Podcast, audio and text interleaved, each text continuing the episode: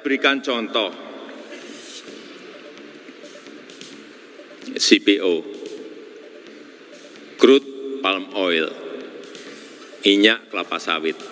Kita tahu negara kita sekarang ini memiliki 13 juta kebun kelapa sawit yang setiap tahun berproduksi produksi sekarang ini kurang lebih 46 juta tahun. Bayangkan kalau itu diangkut oleh truk yang kecil itu berapa juta truk. Kalau satu truk 4 ton berarti kita butuh kurang lebih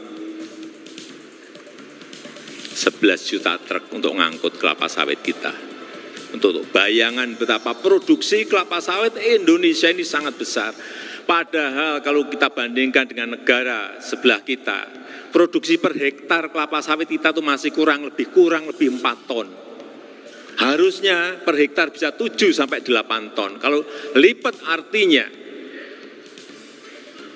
produksi per tahunnya bisa mencapai hampir 100 juta apa yang ingin saya sampaikan?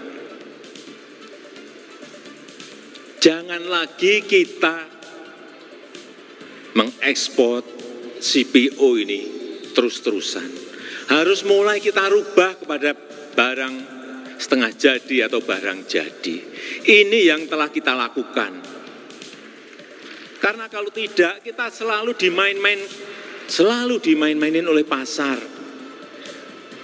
Uni Eropa memunculkan isu tidak ramah lingkungan. Sebetulnya apa sih mereka ngomong seperti itu? Karena sawit ini bisa lebih murah dari minyak bunga matahari yang dihasilkan oleh mereka. Ini hanya perang bisnis antar negara, perang ekonomi antar negara. Tapi dipakai alasan terus. Kayak nggak apa-apa, kamu nggak beli CPO kita tidak apa-apa karena sekarang kita telah menjadikan CPO kita, minyak kelapa sawit kita menjadi B20 dan tahun ini sudah B30. Yo, selamat datang kembali pendengar setia Fokus terkini di episode ketiga kali ini bersama gue Aristo Kevin. Sebelumnya gue mau minta maaf karena terdapat rentang jeda waktu yang sangat lama antara episode kedua dan dengan episode ketiga uh, hal ini dikarenakan uh, kesibukan studi gue dan pergantian pengurus yang kira-kira uh, sudah berlangsung uh, Desember tahun lalu atau November tahun lalu uh, gue lupa tapi nggak uh, usah khawatir karena kali ini gue akan mengangkat suatu tema yang tidak kalah menarik dari tema sebelumnya. Seperti yang kita tahu uh, konflik mengenai kelapa sawit antara negara Indonesia dengan Uni Eropa telah berlangsung sejak lama. Di satu sisi kesadaran kesadaran akan perlindungan lingkungan di masyarakat Uni Eropa telah semakin meningkat. Dan uh, menuntut negara-negara lain termasuk Indonesia untuk ikut bekerja sama melindungi lingkungan dengan cara menjaga hutan hujan tropis yang ada di Indonesia. Uh, di sisi lain, klub di sisi lain Indonesia uh, salah satu penghasil salah satu penyumbang devisa terbesar Indonesia adalah industri kelapa sawit yang mana Indonesia itu merupakan negara pengekspor kelapa sawit terbesar dan uh, dan tuntutan Uni Eropa untuk melindungi lingkungan itu ditanggapi oleh negara Indonesia negara kita sendiri sebagai uh, tuduhan politik proteksionisme yang mana negara Uni Eropa itu sengaja mengangkat isu ini untuk melindungi industri um, minyak biji bunga matahari seperti yang tadi dikatakan Presiden Jokowi. Nah, kali ini kita akan membahas topik itu lebih detail lagi. Tapi sebelum kita membahas top, topik utama, kita akan membahas terlebih dahulu, kita akan mengenal kelapa sawit terlebih dahulu. Mengapa, bagaimana permintaan dunia terhadap minyak kelapa sawit, dan mengapa kita membutuhkan minyak kelapa sawit. Oke, okay. um, minyak kelapa sawit memang sudah dikonsumsi oleh manusia sejak dahulu kala. Menurut Kipel et al., 2000, manusia bahkan telah mengkonsumsi kelapa sawit sejak 5000 tahun yang lalu. Hal ini ditunjukkan oleh penemuan substansi yang diduga sebenarnya adalah minyak kelapa sawit di reruntuhan kota Abydos, kota Mesir kuno pada akhir abad ke-17. Penanggalan karbon pada substansi tersebut mengindikasikan bahwa substansi tersebut sudah eksis kira-kira 3000 tahun sebelum Masehi. Menurut Fachagentur Nachweisende Rostova atau disingkat FNR, konsumsi dan permintaan terhadap minyak kelapa sawit pada tahun 2010 umumnya dapat ditemukan di tiga sektor, yakni sektor makanan sebanyak 68%, sektor industri deterjen maupun agen pembersih sebanyak 27%, dan sektor energi sebanyak 5%. Selain itu, permintaan dunia terhadap minyak kelapa sawit sangatlah besar. Sebagai, sebagai contoh, menurut World Wide, World Wide Fund dan Greenpeace, minyak kelapa sawit dapat ditemukan pada setengah dari produk-produk yang ada pada supermarket di Jerman. Dan menurut Ragu 2017, setiap orang di dunia rata-rata mengonsumsi 7,7 kg minyak kelapa sawit per tahun. Permintaan dunia yang besar tersebut, terutama dari sektor makanan, berasal dari sifat minyak, minyak kelapa sawit yang sangat jenuh. Sifat tersebut menyebabkan minyak menjadi padat pada temperatur ruang sehingga dapat menjadi substituen margarin atau butter atau minyak nabati terhidrogenisasi yang mana sering digunakan untuk membuat pastry atau memanggang makanan.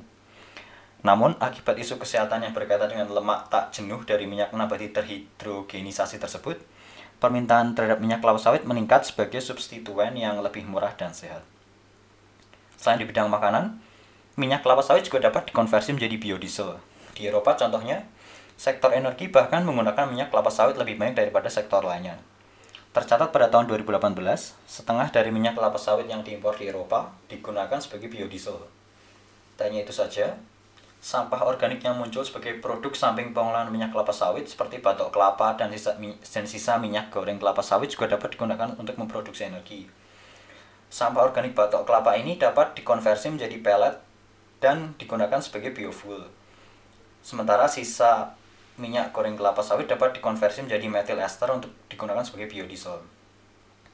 Konsekuensi logis dari hal itu tentu saja adalah tingginya angka permintaan dunia terhadap kelapa sawit. Menurut FAO 2014, pada tahun yang sama, produksi minyak kelapa sawit tercatat tidak kurang dari 57,3 juta ton dan terus meningkat sebanyak lebih dari 15% setiap tahun. Produsen terbesar dari komoditas ini adalah negara kita sendiri, yakni Indonesia sebanyak 85,4 persen, disusul oleh Malaysia sebanyak 34,3 persen, kemudian Thailand, Kolombia, dan Nigeria. Untuk memenuhi permintaan dunia yang besar ini, Indonesia sendiri berencana untuk memperluas lahan produksi minyak kelapa sawit menjadi 20 juta hektar sampai tahun 2025, yang mana setengahnya direncanakan terletak di Kalimantan. Hal ini tentu menyebabkan industri kelapa sawit menjadi industri kunci bagi ekonomi Indonesia. Menurut Indonesia Investment, di bidang agrikultur, kelapa sawit adalah salah satu komoditas terpenting yang menyumbang 1,5 sampai 2,5 persen dari total produk domestik bruto nasional. Jumlah ini setara dengan kira-kira 198,12 sampai 330,2 triliun rupiah. Menurut sumber yang sama, industri kelapa sawit di negara kita dipegang oleh tiga, tiga pihak, yakni negara sebanyak 6,6 persen, swasta 52,88 persen, dan petani kecil sebanyak 40,49%. Oleh karena sifat industrinya yang padat karya, industri ini juga mampu menyerap banyak tenaga kerja.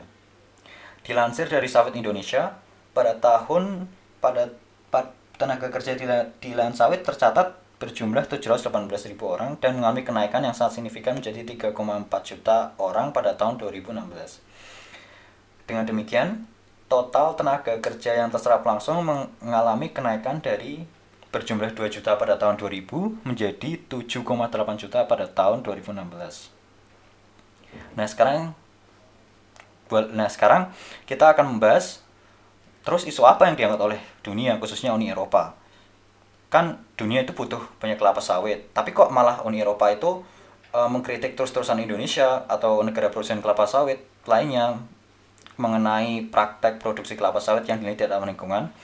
Nah, F permintaan dunia terhadap minyak kelapa sawit tersebut tentu memberi stimulan bagi pengusaha kelapa sawit untuk terus meningkatkan produksinya. Yang mana hal ini tentu memiliki efek samping negatif. Ada dua aspek negatif pada produksi kelapa sawit, yakni aspek lingkungan dan aspek sosial.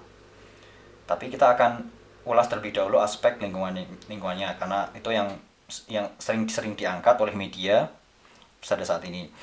Seperti yang sudah dijelaskan sebelumnya, pusat produksi kelapa sawit terletak pada negara-negara yang memiliki iklim tropis seperti Indonesia, Malaysia, Kolombia, dan lain-lain. Hal ini menyebabkan Hal ini menyebabkan hutan hujan tropis, hutan yang memiliki diversifikasi fauna dan flora yang sangat tinggi di negara-negara tersebut terpaksa dibuka demi lahan produksi minyak kelapa sawit. Misalnya, menurut sumber dari situs New Scientist Environment tahun 2008, antara tahun 1990 dan 2005, sekitar 1,87 juta, 87 juta hektar lahan di Malaysia dan lebih dari 3 juta hektar lahan di Indonesia dibuka untuk produksi minyak kelapa sawit yang mana lebih dari setengahnya dibuka dengan cara menebang hutan. Hal ini tentu menyebabkan hilangnya habitat asli satwa-satwa liar yang beberapa di antaranya sudah dikategorikan oleh IUCN sebagai hampir punah seperti orang hutan dan harimau Sumatera. Berita mengenai kebakaran hutan guna membuka lahan kelapa sawit juga sering muncul seperti berita kebakaran hutan hujan Mal hutan Mal Sumatera tahun 2014 yang dilakukan oleh Deutsche Welle majalah Spectrum tahun 2014 misalnya menulis menulis pembukaan lahan kelapa sawit itu sendiri di wilayah Asia Tenggara menyebabkan emisi lebih dari 3000 ton gas metan per tahun. Jumlah tersebut setara dengan emisi gas karbon dioksida dari lebih dari 22.000 kendaraan di USA dalam periode waktu yang sama. Akibat emisi total gas metan oleh produsen dari Indonesia, Jumlah emisi total gas rumah kaca di Indonesia bahkan meningkat sebanyak kira-kira 33,3 persen. Lalu kita lanjut kembali ke aspek sosial. Di beberapa kasus, pembukaan lahan kelapa sawit dilakukan tanpa adanya konsultasi atau pemberian kompensasi kepada warga asli yang menghuni hutan hujan tropis tersebut yang menimbulkan uh, konflik sosial. Hal ini merupakan hasil studi dari Internal Displacement Monitoring Center tahun 2007, Colchester et al. 2012, dan Forest Peoples Program 2008. Penggunaan tenaga kerja imigran ilegal di Malaysia juga menyebabkan kekhawatiran mengenai kondisi kerja buruh kelapa sawit. Menurut EVB 2012 misalnya, dilaporkan adanya penggunaan pestisida jenis paraquat yang menyebabkan kasus keracunan ribuan buruh kelapa sawit tiap tahun. Pestisida jenis ini akibat alasan kesehatan sudah dilarang di Uni Eropa, Swiss, dan beberapa negara lainnya. Tentu karena adanya efek negatif dari pembukaan produksi kelapa sawit ini, dunia internasional tentu, tentu tidak tinggal diam. Misal, e, untuk merangsang pengusaha kelapa sawit memproduksi minyak kelapa yang lebih ramah lingkungan, organisasi seperti misalnya Roundtable on Sustainable Palm Oil atau disingkat RSPO yang didirikan tahun 2014 dan terdiri dari produsen, pemroses atau pembeli, produsen barang konsumsi, retailer, bank atau investor, dan NGO yang bergerak di bidang lingkungan maupun sosial menetapkan kriteria-kriteria yang harus dimiliki produsen produsen minyak kelapa sawit guna mendapatkan sertifikat RSPO. Sertifikat ini menunjukkan bahwa produk yang dihasilkan oleh produsen tersebut diproduksi secara ramah lingkungan. Uh, eh, RSPO mengklaim bahwa sertifikasi sertifikasi cara produksi minyak kelapa sawit ini dapat meningkatkan penjualan minyak kelapa sawit di pasar. Kendati demikian, komplain dari kalangan produsen menurut Guna Segaran 2011 dan Yulisman 2011 masih tetap ada. Produsen mengeluh bahwa meskipun produk mereka telah tersertifikasi RSPO, tingkat penjualan produk malah menjadi rendah. Hal ini dikarenakan standar lingkungan yang tinggi membuat harga produk mereka naik, sehingga produk mereka kalah bersaing dengan produk minyak kelapa sawit yang tidak tersertifikasi. Ditambah lagi, minyak kelapa sawit termasuk produk yang fungible alias setiap takarannya interchangeable, sehingga setiap proses pemrosesan atau manufaktur barang konsumsi, sumber minyak kelapa sawit yang tersertifikasi maupun yang tidak sulit dibedakan. Hal ini menyebabkan timbulnya kritik dari aktivis lingkungan seperti Greenpeace, atau Red dan Regenwald, dan lain-lain. Akibat kesadaran akan pelindungan lingkungan yang terus meningkat di Uni Eropa, Parlemen Uni Eropa baru-baru ini mengeluarkan Renewable Energy Directive 2 atau disingkat RED 2 yang mengkategorikan penggunaan biofuel, biofuel, bioliquid, dan biomasa yang berasal dari minyak kelapa sawit ke dalam kategori high ELUC RICS atau atau yang merupakan singkatan dari High Indirect Land Use Change Risk atau dalam bahasa Indonesianya, risiko tinggi perubahan penggunaan lahan secara tidak langsung. Nah, menurut siaran pers langsung tanggal 13 Maret 2019 dari ec.europa.eu, website resmi European Commission atau Parlemen Eropa, bahan bakar bio tadi dikategorikan kepada high ELUC risks. Jika bahan bakar bio tersebut diproduksi dari tumbuhan-tumbuhan yang sebenarnya dapat dikonsumsi sebagai pangan dan memiliki potensi ekspansi lahan produksi yang signifikan di daerah-daerah yang memiliki stok karbon tinggi. Seperti salah satunya hujan-hujan tropis. Ekspansi ini melepas emisi gas rumah kaca yang cukup tinggi, sehingga efek positif penggunaan biofuel, yakni turut memenuhi pemanasan global menjadi dikompensasi oleh efek negatif penebangan hutan tersebut. Menurut Parlemen Eropa, hal ini menjustifikasi adanya pembatasan penggunaan bahan bakar bio yang termasuk dalam kategori high ELUC risks. Hal inilah yang menyebabkan pertengkaran antara EU dan negara-negara produsen kelapa sawit, salah satunya Indonesia yang sedang ramai baru-baru ini. Ah, tetapi berlawanan dengan beberapa pemberitaan media yang menyebutkan bahwa larangan impor kelapa sawit sudah atau dalam waktu dekat akan diterapkan, menurut lembar fakta resmi paling aktual sejauh ini yang kami temukan, yakni tanggal 21 Maret 2019 dari situs web resmi Parlemen Eropa, sampai saat ini belum ada barikade dagang atau regulasi diskriminatif berkenaan dengan minyak kelapa sawit. Tarif yang dikenakan Uni Eropa kepada minyak kelapa sawit menurut sumber tersebut adalah 10,9 persen, dan tergolong rendah dibanding barang impor lainnya yang masuk ke pasar Uni Eropa. Penggolongan bahan bakar bio tadi yang berasal dari kelapa sawit hanya memiliki efek kepada penghitungan tingkat penggunaan energi terbarukan di negara anggota Uni Eropa. Jika sebelumnya jika sebelum penetapan kebijakan tersebut, negara anggota EU dapat mengklaim menggunakan energi terbarukan dengan menggunakan bahan bakar bio yang berasal dari kelapa sawit, akibat penetapan RED II tadi, klaim tersebut tidak dapat dilakukan kembali.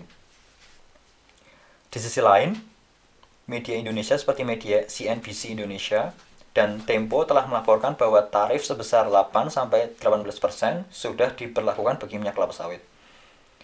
Media Tempo misalnya melaporkan bahwa tarif tersebut mulai diberlakukan tanggal 6 September 2019 lalu, sedangkan media CNBC Indonesia memberitakan bahwa tarif tersebut sudah diterapkan tanggal 14 Agustus 2019 yang lalu.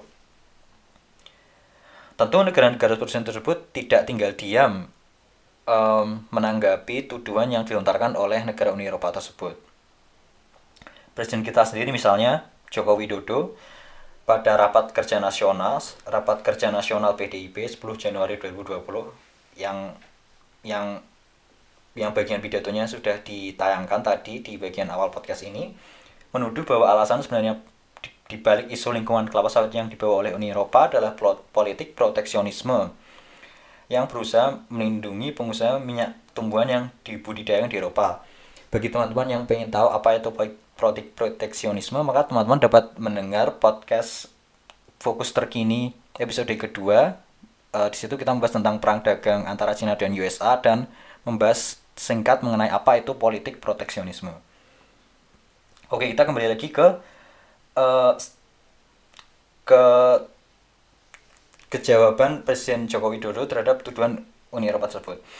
Uh, opini yang sama juga dilontarkan oleh Kementerian Perdagangan Indonesia. Hal ini disebabkan bahwa kelapa sawit sebenarnya membutuhkan jumlah lahan tiga kali lebih, lebih kecil daripada tanaman raps dan enam kali lebih kecil daripada kedelai untuk menghasilkan jumlah minyak nabati yang sama. Ditambah lagi, menurut Business Insider, harga per kilogram minyak kelapa sawit tergolong murah dan sangat kompetitif dibanding minyak lainnya. Berdasarkan sumber yang sama, dengan hanya 2 dolar, kita dapat membeli 1 kilogram minyak kelapa sawit. Nah, karena baik dari nilai dari parameter penggunaan lahan dan harga minyak kelapa sawit lebih unggul dibanding minyak nabati lainnya, alasan perlindungan lingkungan yang dikeluarkan oleh Uni Eropa menjadi tidak masuk akal. Akibat kecurigaan tersebut, Menurut situs kompas.com, Indonesia resmi mengajukan gugatan ke WTO pada 9 Desember 2019 lalu. Bahkan, Wakil Presiden Yusuf Kala mengisyaratkan retaliasi kebijakan diskriminatif Uni Eropa dengan cara membatasi Airbus, produsen pesawat Prancis yang 112 pesawat jetnya telah beroperasi di Indonesia dan memiliki lebih dari 300 pemesanan dari maskapai negara tersebut. Lebih lanjut lagi, Indonesia mengancam untuk membatasi ekspor nikel ke Uni Eropa yang dapat mempengaruhi industri baja Eropa secara negatif. Di tahun ke depannya, konsumsi sendiri produksi minyak kelapa sawit kemungkinan akan meningkat dengan dimulainya pengembangan biodiesel B20 dan B30 yang berbasis kelapa sawit. Presiden Joko Widodo sendiri mengklaim bahwa pengembangan biodiesel B30 atau bahkan B50 dapat menghemat pengeluaran negara sebanyak 110 triliun sampai 200 triliun rupiah per tahun. Oke, nah itu tadi merupakan ulasan singkat tentang tentang isu lingkungan apa yang diangkat oleh Uni Eropa dan reaksi yang di yang di, reaksi yang ditunjukkan oleh negara kita, negara produsen kelapa sawit, salah satunya negara kita Indonesia. Uh, opini teman-teman mengenai opini uh, apakah kelapa apakah isu lingkungan yang diangkat oleh Eropa itu memang memiliki poin yang absah atau apakah itu merupakan kedok proteksionisme? Tentu uh, kami ya, tentu jawaban atas itu kami sendiri serahkan sendiri ke teman-teman dan kami biarkan teman-teman untuk berpendapat apakah menurut teman-teman itu menurut teman-teman itu pelindungan lingkungan itu memang perlu untuk diterapkan dan dan memang pembatasan minyak kelapa sawit itu harus diterapkan atau teman-teman justru pendapat bahwa Uni Eropa itu sebenarnya hanya berusaha untuk melindungi industrinya dengan cara mengangkat isu lingkungan. Nah, kalau gue sendiri sebagai moderator berpendapat bahwa uh, langkah yang dini, yang yang uh, gue mem, gue berpendapat bahwa perlindungan lingkungan itu tuh memang harus dilakukan karena kita itu merupakan bagian dari lingkungan dan kesejahteraan hidup kita tentu itu bergantung pada lingkungan. Jika misalnya jika kita tidak melindungi lingkungan, tentu itu akan mempengaruhi kesejahteraan hidup kita. Kalau misalnya industri katakanlah e, baja misalnya menggunakan logam kadmium atau industri plating dan limbah kadmiumnya itu dibuang ke sungai, kadmium itu sebagai info itu merupakan logam berat yang dapat e, menyebabkan penyakit kalau nggak salah itu penyakit minamata. Nah kalau misalnya isu lingkungan itu tidak kita tanggapi dengan serius, maka akan terjadi uh, kasus Minamata yang pernah terjadi di Jepang akibat keteledoran perusahaan Jepang uh, membuang limbah limbah kadmium ke sungai yang mana sungai itu merupakan sumber air konsumsi penduduk Jepang. Akan tetapi gue menilai bahwa tindakan yang dilakukan Uni Eropa itu termasuk ekstrim atau tidak tidak perlu karena seperti yang sudah kita ulas tadi eh, minyak kelapa sawit itu memiliki efisiensi produksi yang sangat tinggi dibanding minyak dibanding minyak tumbuhan lainnya. Dengan lahan yang sedikit, kita bisa mendapatkan jumlah minyak yang lebih banyak dari minyak kelapa sawit daripada minyak tumbuhan lainnya. Sehingga pertanyaannya adalah jika misalkan kita kita larang penggunaan minyak kelapa sawit ya bagaimana cara kita untuk memenuhi kebutuhan dunia akan minyak? Apakah nanti kita akan membuka lahan lebih luas lagi untuk sebagai pengganti minyak kelapa sawit ya jatuhnya nanti akan menyebabkan kerusakan lingkungan lagi. Nah, alasan kedua adalah uh, Uni Eropa itu atau negara-negara barat itu termasuk negara-negara yang memiliki kesadaran lingkungan yang tinggi dibanding negara-negara lainnya. Jika semisalnya Uni Eropa itu melarang atau menetapkan barikade dagang terhadap barang impor minyak kelapa sawit dari Indonesia ke Uni Eropa, yang gue khawatirkan adalah Indonesia itu akan uh, mengekspor minyak kelapa sawit itu ke negara-negara lainnya seperti India atau Cina yang juga memiliki permintaan yang besar ke minyak kelapa sawit. Nah, yang gue ragukan adalah apakah negara-negara target ekspor lainnya selain Uni Eropa ini memiliki standar lingkungan yang tinggi. Bisa jadi setelah uh, bisa jadi maksud Uni Eropa menetapkan barikade dagang untuk melindungi lingkungan, melindungi melindungi hutan hujan tropis dari Indonesia dari dari uh, dari pembalakan liar malah memiliki efek yang sebaliknya yakni menambah laju kerusakan lingkungan akibat akibat standar lingkungan yang standar lingkungan standar lingkungan yang lebih rendah dari negara tujuan ekspor minyak kelapa sawit minyak kelapa sawit Indonesia selain dari Uni Eropa. Langkah gue langkah yang menurut gue tepat untuk dilakukan adalah melakukan kontrol yang lebih ketat lagi terhadap praktek produksi minyak kelapa sawit. Misalnya Uni Eropa dapat membuat kebijakan bahwa Uni Eropa hanya mau hanya hanya mau um, mengimpor minyak kelapa sawit yang sudah tersertifikasi RSPO dan meningkatkan lebih lagi kontrol uh, produksi minyak kelapa sawit. Nah, dari situ kita bisa dan kalau menurut gue dengan langkah ini di satu sisi kita bisa melindungi lingkungan tapi di sisi lain kita juga bisa um, jika juga bisa mempertahankan minyak kelapa sawit sebagai sumber devisa terbesar negara Indonesia. Ya, kira-kira begitu aja sih mendapat dari gue. Oke, uh, tidak terasa podcast episode ketiga podcast fokus terkini telah sampai pada setelah sampai pada akhirnya. Uh, nantikan terus episode selanjutnya di fokus terkini yang tayang pada yang tayang setiap bulan sekali dan dengarkan juga podcast podcast Tra, podcast Mew lainnya yang akan tayang pada bulan ini. Sampai jumpa di fokus terkini selanjutnya.